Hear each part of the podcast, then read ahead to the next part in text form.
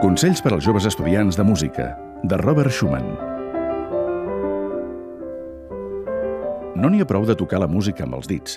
També s'ha de saber cantar en veu baixa sense recórrer a l'instrument.